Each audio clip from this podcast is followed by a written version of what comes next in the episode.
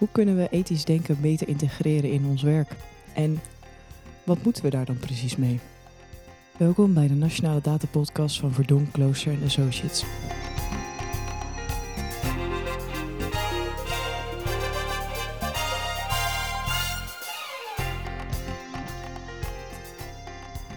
Welkom bij de Nationale Data Podcast van Verdonk, Klooster Associates. De podcast over AI, algoritmes en data in de publieke sector. In deze datapodcast gaan we het hebben over hoe we ethiek kunnen integreren in het ontwerpen van nieuwe digitale toepassingen. Hierover praat ik met Marlies van Steenbergen.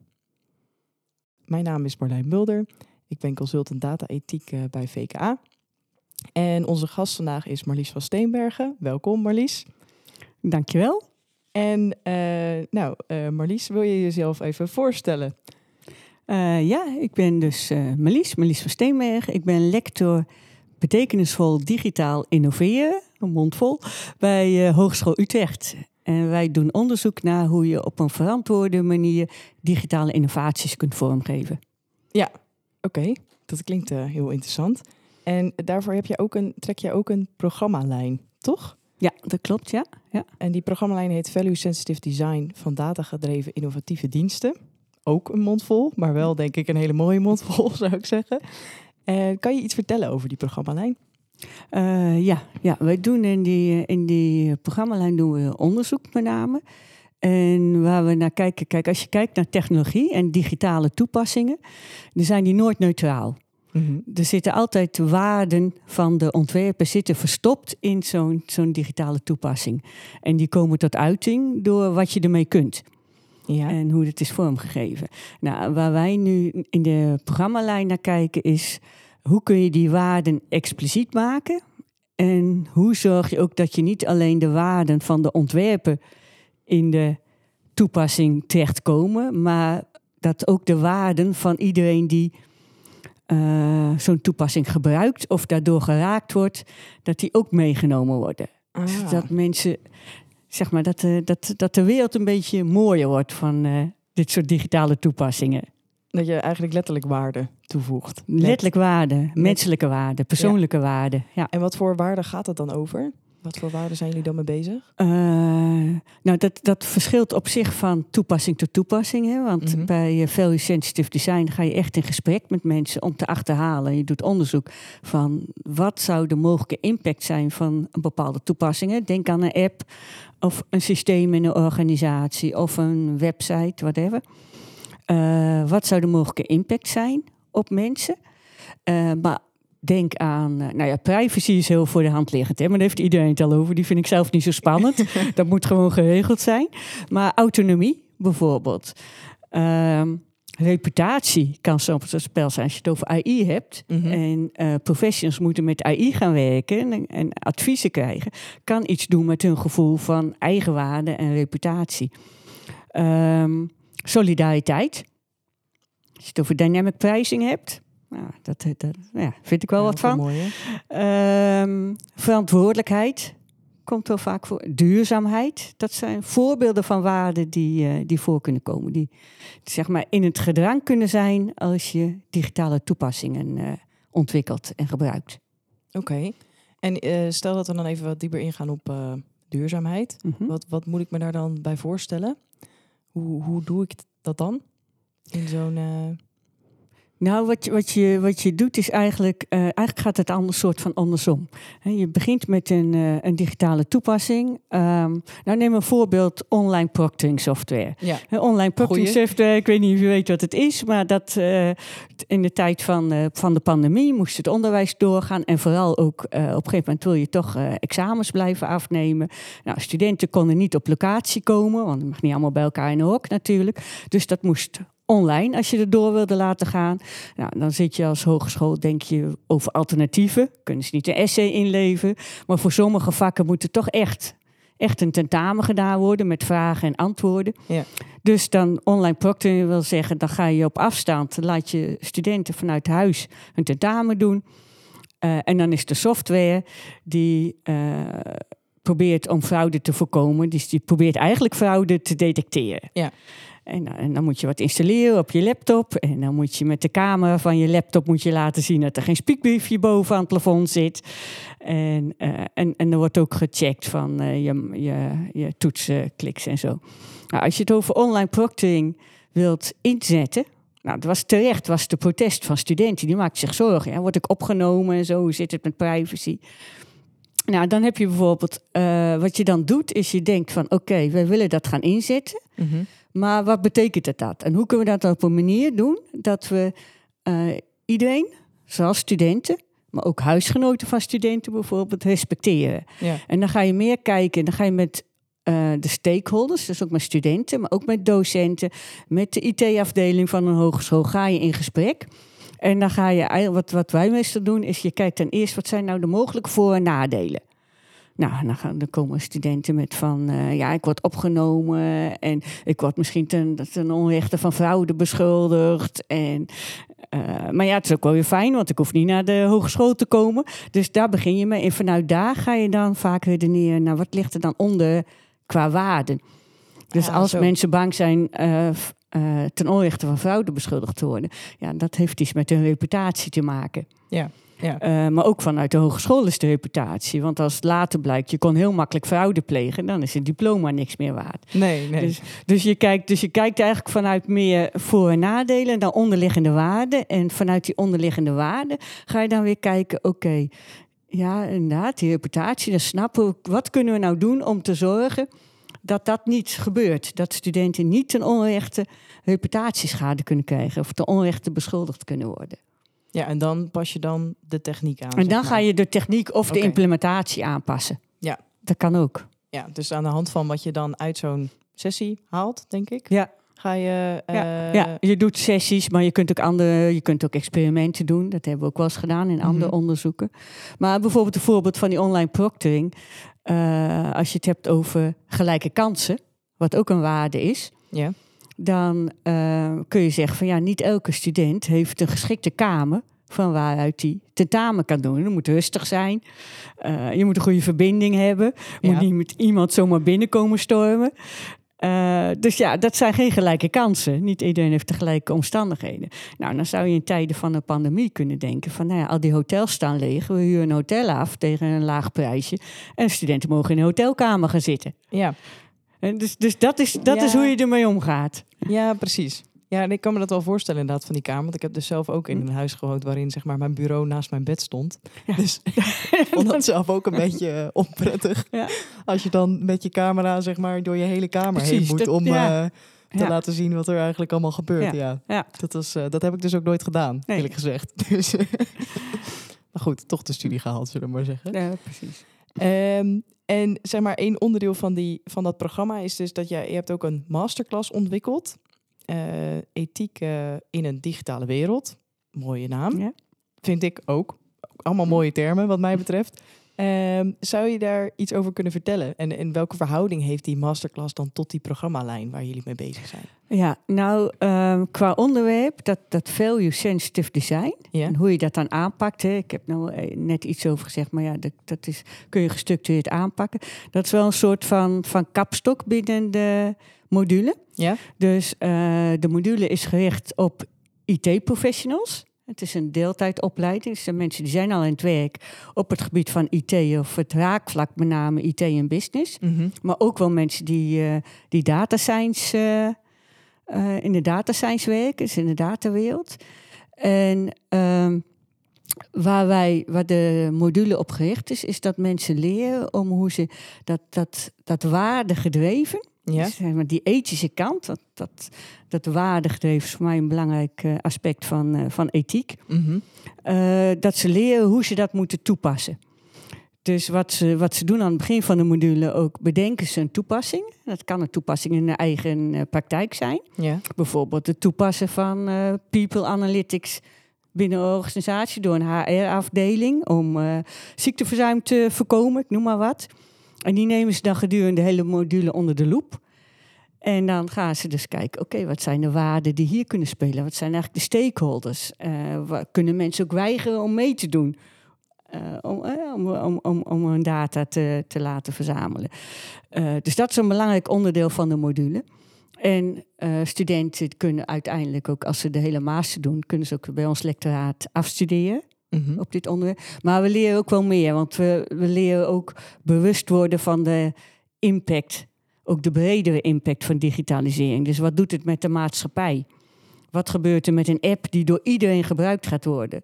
En wat betekent, neem WhatsApp, wat betekent voor mensen die hem eigenlijk niet willen gebruiken? En die vallen buiten de boot. Heb je nog wel keuze om, om mee te gaan in die digitalisering of niet? Is dat erg? Uh, robots in, het, in, in de zorg. Wat vind je er nou van? Is, dat, is dat fijn? Omdat mensen, iemand, eenzame mensen of mensen die. Uh, als je bijvoorbeeld verpleeghuizen hebt, een dementerende ouder, worden robots wel ingezet om een soort van uh, contact ja. te geven. Uh, is dat oké? Of is het vervanging van menselijk contact? Dus we, we leren ze ook om over dat soort vraagstukken na te denken. Maar ook vooral van wat zijn de consequenties van de keuzes die jij maakt in je werk? Als je het hebt over, over digitalisering, wat zijn de consequenties daarvan voor anderen? En we leren ze om breder te kijken dan alleen de, zeg maar, de beoogde doelgroep. Ja. Ja, dus, dus de gebruikers, maar ook de mensen die niet gebruiken, of de kinderen van de gebruikers, of de maatschappij in zijn geheel. Ja, dus niet alleen de, de mens, zeg maar, de, waarvoor ze iets aan het ontwikkelen zijn, maar ook wat dat doet met de mensen die daar, zeg maar, omheen zitten. Ja, precies. En dat kan inderdaad, nou in het geval van ZEP, zover zijn als de volledige maatschappij, waar we eigenlijk niet meer eh, zonder kunnen. Ja, nee. inderdaad. Ja. Nee, dat is inderdaad een, eh, een hele goede vraag. En, um, en welke rol heeft dan ook ethiek voor jou binnen dat datagedreven werken? Um, nou, ik denk dat, dat ik denk dat de rol van ethiek enorm belangrijk is geworden ook. Want um, dat datagedreven werken, als je erover nadenkt, heeft dat echt enorme consequenties. Uh, en dat zit, hem in, dat zit hem niet alleen in het verzamelen van data van mensen mhm. en de privacy, dat is één aspect, maar het zit hem voor mij vooral in wat je ermee doet. Het combineren van data uit heel veel bronnen, dat is één ding dan ga je de analyses op loslaten. Daar kan ook van alles mis mee gaan. Het kan ook zijn dat je data incomplete is of uh, dat daar bias, hè, vooroordelen in zitten, omdat je mhm. bepaalde data hebt verzameld. Um, dus er gaan analyses gedaan worden, maar vervolgens als je bijvoorbeeld uh, nou ja, analytics gebruikt of AI of machine learning, dan komen er ook nog uitkomsten uit. Ja. En daar gaan mensen dan weer op, op acteren. En ik denk dat dat, dat, dat hele proces en elke stap zitten er wel haken en ogen aan die enorme impact hebben. En omdat de impact in mijn ogen echt veel groter is, vooral van machine learning, nou, dat, dat zien we bijna dagelijks, uh, zien we dat terugkomen, is dat heel belangrijk om erover na te denken. Voor iedereen die in dat proces zit. En met name ook aan de basis voor de mensen die met die data bezig zijn. Die moeten gewoon beseffen wat er met hun data kan gebeuren, gaat gebeuren. En, en daar rekening mee houden. Ja, dus je bedoelt dan de mensen die bezig zijn met die data, die daarin werken? Of bedoel je ook de mensen die een soort van de, de, de data aanleveren? Ja, dus iedereen. Eigenlijk iedereen heeft een verantwoordelijkheid en een rol in dat geheel, in mijn ogen. Ja. Ja, ik denk dat dat wel, dat is inderdaad wel een interessant punt. Want ik denk dat, die, uh, dat heel veel mensen ook niet doorhebben hoeveel data ze nou eigenlijk zeg maar, zelf aanleveren zonder dat ze daar uh, iets over te zeggen. Of nou ja, ze hebben daar wel iets over te zeggen, maar en dat ze dat doorhebben dat ze dat aan het doen zijn. Ja, ja, en dat gaat alle kanten op. Hè? Ja. En wat ik wel interessant vind ook, is dat mensen dan vaak zeggen van ja, ik heb niks te verbergen en ja, dit is toch onschuldig, dit mogen ze wel weten. Mhm. En soms is dat misschien ook wel zo. Maar wat, wat je, wat je, het zijn twee kanten aan. Het zijn wat gebeurt er met jouw data voor jou persoonlijk? Dus, dus, dus mensen verzamelen data van jou en uh, nou ja, komt dat later weer bij je terug op een of andere manier. Uh, denk aan, aan bijvoorbeeld, zeg maar, sensoren mm -hmm. om, om je hartslag te meten en te zien hoe gezond je bent. Op een gegeven moment kunnen verzekeraars gaan eisen dat je dat, je dat gebruikt. Of dat je bepaalde, nou, bepaalde uh, bewegingen, dat je voldoende beweegt op een dag. Anders gaat je verzekerings, zorgverzekeringspremie omhoog, ik noem maar wat. En dan heb je er zelf meteen last van. Maar er is ook een kant van al die data die over ons verzameld wordt, van al die mensen. Mhm. Daar wordt ook machine learning op losgelaten. Uh, en daardoor weten de bedrijven die die data verzamelen, de big tech, ja. weten steeds meer over hoe mensen zich gedragen. Ja. En daar kunnen ze geld mee verdienen. Daar verdienen ze geld mee. Dat, dat verkopen ze aan de adverteerders. Maar op een gegeven moment kunnen ze daar ook mee gedrag ten eerste voorspellen. Maar als je kunt voorspellen, kun je ook gaan sturen. Ja. En dat betekent dat wij als maatschappij, als individu, als mensen nog meer. Je wordt altijd een beetje genutst en gemanipuleerd en beïnvloed door je omgeving. Ja. Maar dit kan wel steeds sterker worden. En dat kan ook steeds uh, zonder dat je doorhebt. Ja. Word je, uh, ja, wordt je een bepaald beeld voorgeschoteld. Ja. Ik heb de, we hebben ook een uh, podcast opgenomen met Mirjam Ras. Ah. Dat was heel leuk. Die, die, heeft het over dit soort dingen. Die heeft het inderdaad hierover. dat is omdat dat ook steeds meer frictieloos wordt. Precies, zeg zoals zij dat noemt. Dat het dan dus ook dat je dus steeds minder door hebt dat je dus een bepaalde kant op geduwd wordt. Precies, precies. Dat haakt hier denk ik echt uh, heel erg uh, op in. Ja, en dat fictieloze waar zij het dan ook over had. Dat, dat klinkt heel mooi. Dat willen heel veel bedrijven. Maar de vraag is of dat goed is voor ons mensen. Ja. Of je dat wel wilt. Of, kijk, ik, ik ben zelf, ik heb geen richtingsgevoel. Nee. okay, ja. en, uh, mijn echtgenoot wel. Als wij door een stad lopen, een, een wildvreemde stad, dan, uh, dan weet hij eigenlijk wel precies altijd waar die is.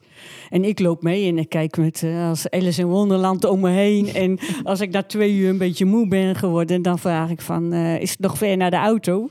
en dan, ik rij auto, sorry. Maar dan zegt hij, nou, dat is hier om de hoek. Hij weet precies. Terwijl, um, ik had natuurlijk met een navigatiesysteem ja, kan je weet ik ook precies waar ik ben en waar ik heen moet. Maar dan denk ik van ja, maar wil ik dat wel? Want ik vind dat leuke en dan het niet weten waar ik ben en heeft ook wel iets. Daardoor laat je ook meer verrassen. En dit is natuurlijk een simpel voorbeeld, maar het gaat om heel veel dingen. Al die recommendations systemen hè, mhm. zijn mooi, maar als ze alleen maar geven wat al in lijn ligt van wat je al kent, dan ja, waar, waar laat je dan nog door verrassen? En wanneer leer je dan iets nieuws? Ja. En wanneer kom je iets tegen waarvan je denkt van... Oké, ik weet niet of ik het hier wel mee eens ben. Wat je aan het denken zet. Nee, dat noemen mensen dus inderdaad die bubbel waar je dus in social media heel snel in terechtkomt. Ja, Dus, dus die hele ethiek die zit op heel veel niveaus. En nou, om nou weer terug te komen naar waar wij met name onderzoek naar doen en, uh, en ook uh, die module over gaat het is vooral over waar je als IT-professional zelf invloed op hebt. Dus je de eigen applicaties waar je mee bezig bent of de data waar je mee bezig bent. En dan dat value sensitive design gaat dus over één specifieke applicatie en wat dat, en wat dat betekent voor alle betrokkenen, direct of indirect. Maar het is wel goed om ook te beseffen dat die andere kant, die, die invloed op die maatschappij als geheel er is. Ja. ja, dus eigenlijk leer je dan in zo'n in die module leer je eigenlijk hoe moet ik, nou, hoe kan ik een soort van dit template wat ik op één hm. Ehm, eh, applicatie heb hm. gebruikt, hoe kan ik dat straks ook bij andere applicaties gaan gebruiken? Ja, dat sowieso. En, en ook het bewustzijn van dat, dat je net iets verder kijkt dan alleen je applicatie. Ja, ja. En is dan ethisch handelen volgens jou ook te leren?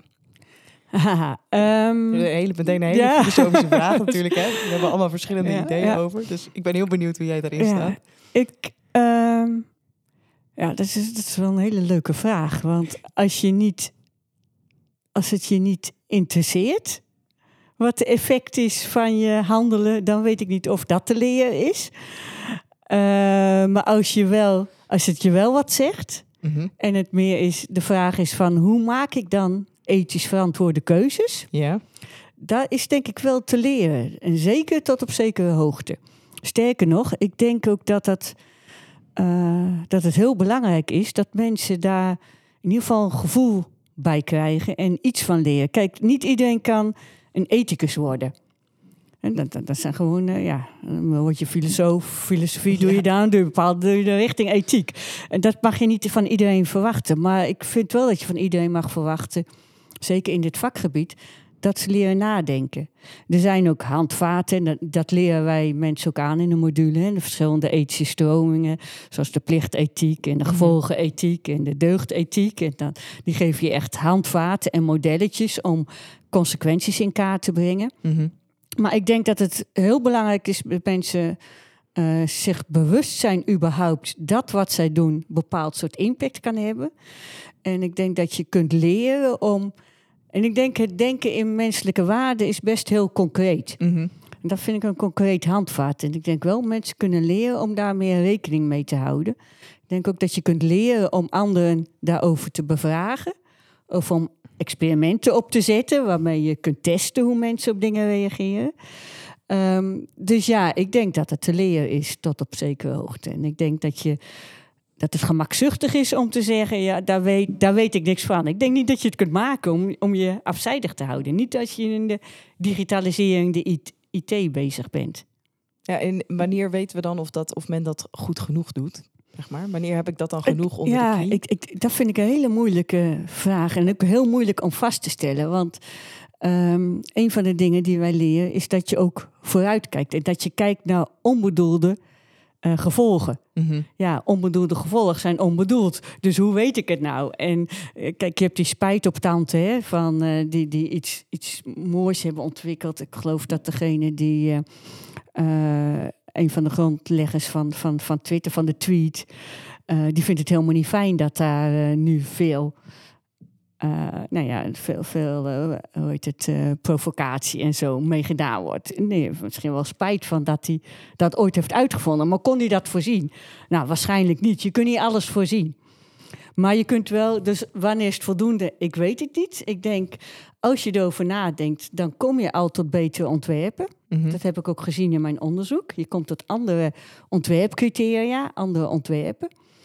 je kunt toetsen op een gegeven moment, als je een, een, een, een, applicatie hebt ontwikkeld en hij is in gebruik, kun je ook, dat doen we ook onvoldoende denken, maar kun je ook regelmatig toetsen van wat ik ermee bedoelde, gebeurt dat ook? Ja. Um, weet je vooraf of er niet toch nog iets misgaat? Nee, dat denk ik niet dat je dat nooit ooit kunt weten. Nee, maar, ja, maar als je wel van mensen verwacht dat ze natuurlijk een, een, uh, er wel over nadenken. Hm? Is dat dan niet al soort van de, het minimale wat men moet doen? Ja, dat vind ik. Ik vind het minimaal en ik vind ook dat je moet kunnen uitleggen waarom je bepaalde keuzes hebt gemaakt. Ja, Want je ja, hebt dus- ook nog, en dat zie je ook bij value sensitive design, er kunnen ook spanningen zijn tussen waarden. Ja, zijn er meestal.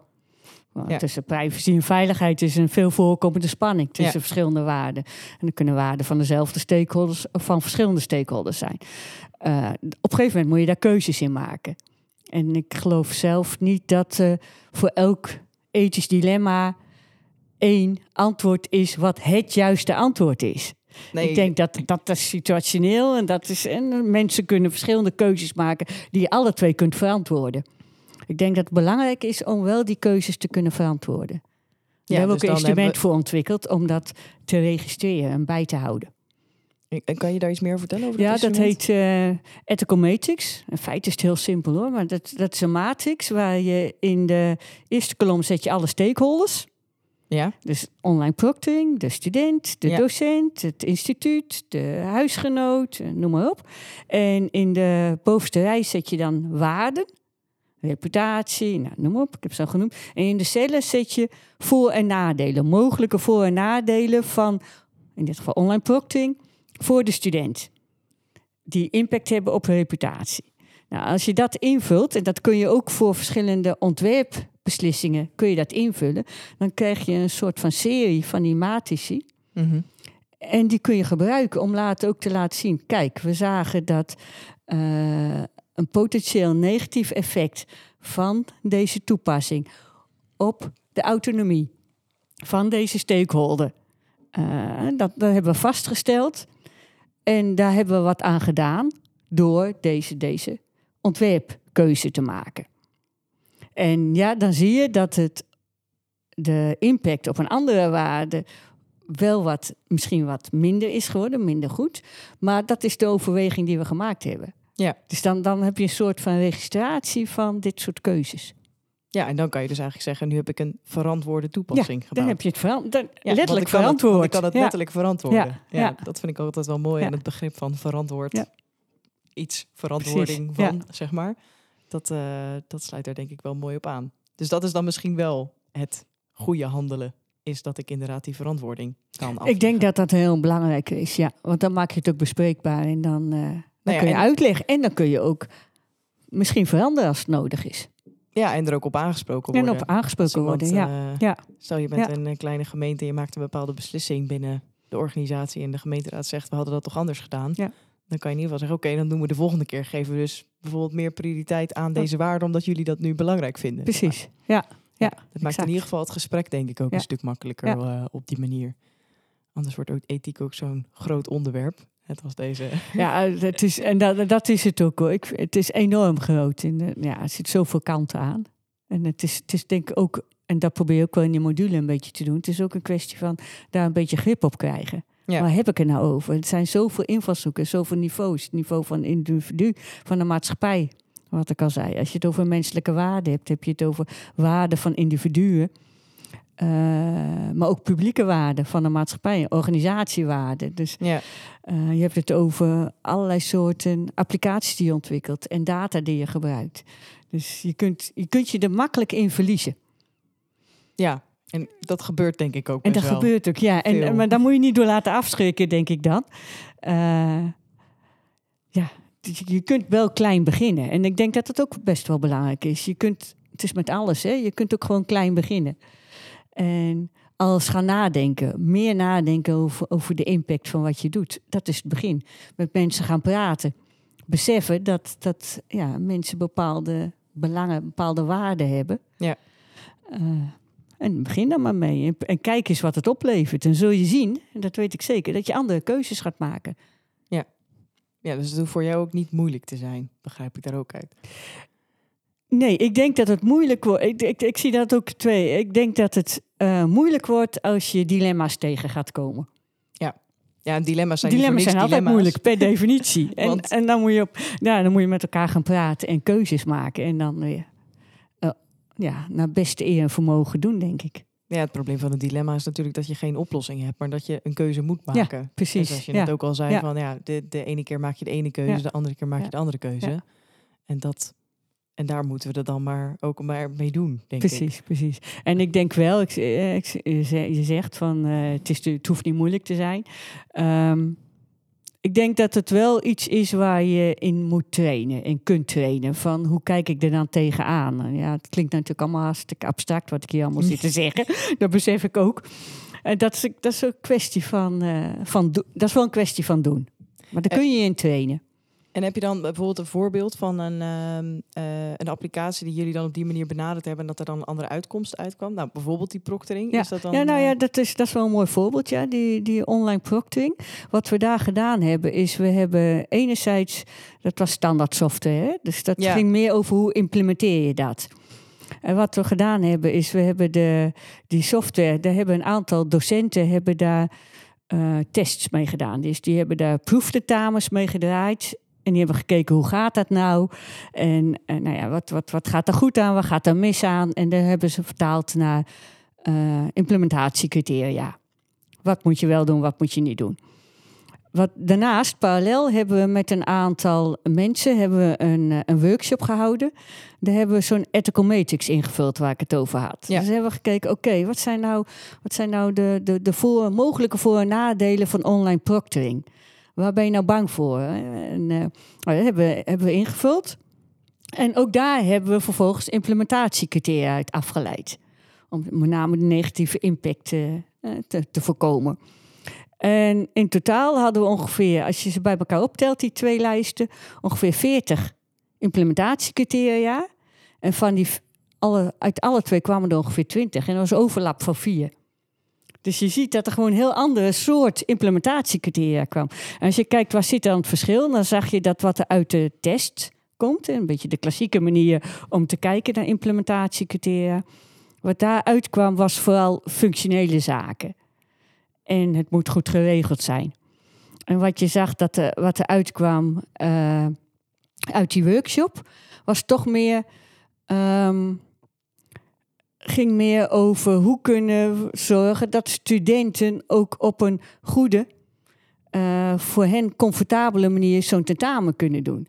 Dus dat waren dingen als van als je tentamen aan het doen bent vanuit huis, moet, moet je gewoon zeker weten dat zodra er iets misgaat met je verbinding, dat kan, niet iedereen heeft een goede glasvezelverbinding. Dat je meteen met, de, of iets anders lukt niet, dat je met de technische dienst, de ICT-afdeling kunt bellen, dat die er zijn en dat ze je gaan helpen om de boel te herstellen. Ja. Uh, dus, dus dat soort dingen. Ze moeten wat installeren op een laptop. Nou, zorg dan dat aan het eind een melding komt. Vergeet niet die, die plugin weer te verwijderen. Uh, dus, dus dat zijn die extra dingen andersoortige, minder functionaliteit, maar meer eromheen die uit, uh, uit, de, uit de matrix kwamen. Ja, dat is wel uh, mooi om te zien, denk ik. Ja. Ik ga ervan uit dat jullie dat dan ook zo geïmplementeerd hebben, zoals het toen. We hebben dat, uh, ja, daar was ik helaas niet bij. We hebben dat wel, het is, ik weet zeker, het is meegenomen in de implementatie. Dat wel. Of alles is overgenomen, weet ik niet. Maar het zijn wel dat, dat zou natuurlijk de volgende stap, hè? Voor mij was het onderzoek, maar, in, uh, uh, maar dat online proctoring software aan zich blijft een... Uh, dat is voor mij echt een dilemma, hoor. Blijft een lastige, vind ik. Ja, ja. dat kan ik me goed voorstellen. Het is, ja. het is fijn dat het niet meer nodig is. Nee. En dat is, dat is er ook wel gebeurd. Dat vond ik dan wel heel goed. Er is een beslisboom, een soort van beslisboom gemaakt. Waarbij alleen nog maar voor de, een tentamen op afstand waar je deze software nodig hebt, uh, dat dat alleen gebeurt als het echt niet anders kan. Ja. Dus als je op een andere keer. Dus er zijn ook heel veel docenten die zijn op een andere manier gaan toetsen. Ja. Ja. En wat zou je dan de nou, nu werkende IT-professionals, even in de breedte van het woord, mee willen geven als het gaat om dit, om dit onderwerp, dus om het ethiek? Wat, uh... um, nou, wat ik ze mee zou willen geven is dat uh, ten eerste om erover na te denken. Om echt goed na te denken over de keuzes die je maakt.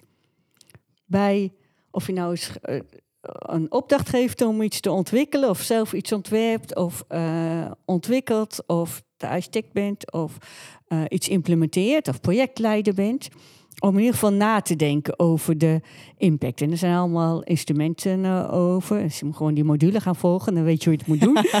maar denk erover na. Wees je ervan bewust. Wees je ervan bewust dat technologie nooit neutraal is. Dus dat je altijd een impact hebt. Mhm. En denk dus na over wat die impact is. Kijk ook breder dan alleen de gebruiker. En baseer daar je keuzes op. Nou, dat vind ik echt een, uh, vind ik wel een mooie boodschap, moet ik zeggen. Um, dan, uh, dat, als je het goed vindt, dan zou ik daar ook graag mee af willen sluiten. Uh, en dan hebben wij nog altijd één laatste vraag. En dat is, nou, je bent nu in deze podcast geweest. Wie zou jij ook in deze podcast willen zien? Of horen eigenlijk? Zien is moeilijk met een podcast natuurlijk. uh, nee, ik had eigenlijk Mirjam Ras willen uh, zeggen, want die is al geweest begreep. um, misschien nou, misschien is het wel... Het zou ook wel interessant zijn misschien om... Um, om iemand uit te nodigen die, um, die in de praktijk dus uh, die dit doet of die de slag gemaakt heeft van uh, niet over ethiek nadenken, nou wel over ethiek nadenken. Het is een data-analyst, maar die heb je misschien ook al gehad. Nou, denk ik eigenlijk nog niet. Dus ik vind het eigenlijk wel een hele mooie. Een ethische data-analyst. Een ethische data-analyst. Ja. Nou, ja. vind ik eigenlijk een hartstikke mooi idee. Nou, nou, Marlies, dan wil ik jou heel hartelijk bedanken voor dit gesprek. Ik, uh, ik heb weer veel uh, ervan geleerd. Dus uh, dankjewel. Oké, okay, dankjewel voor de uitnodiging.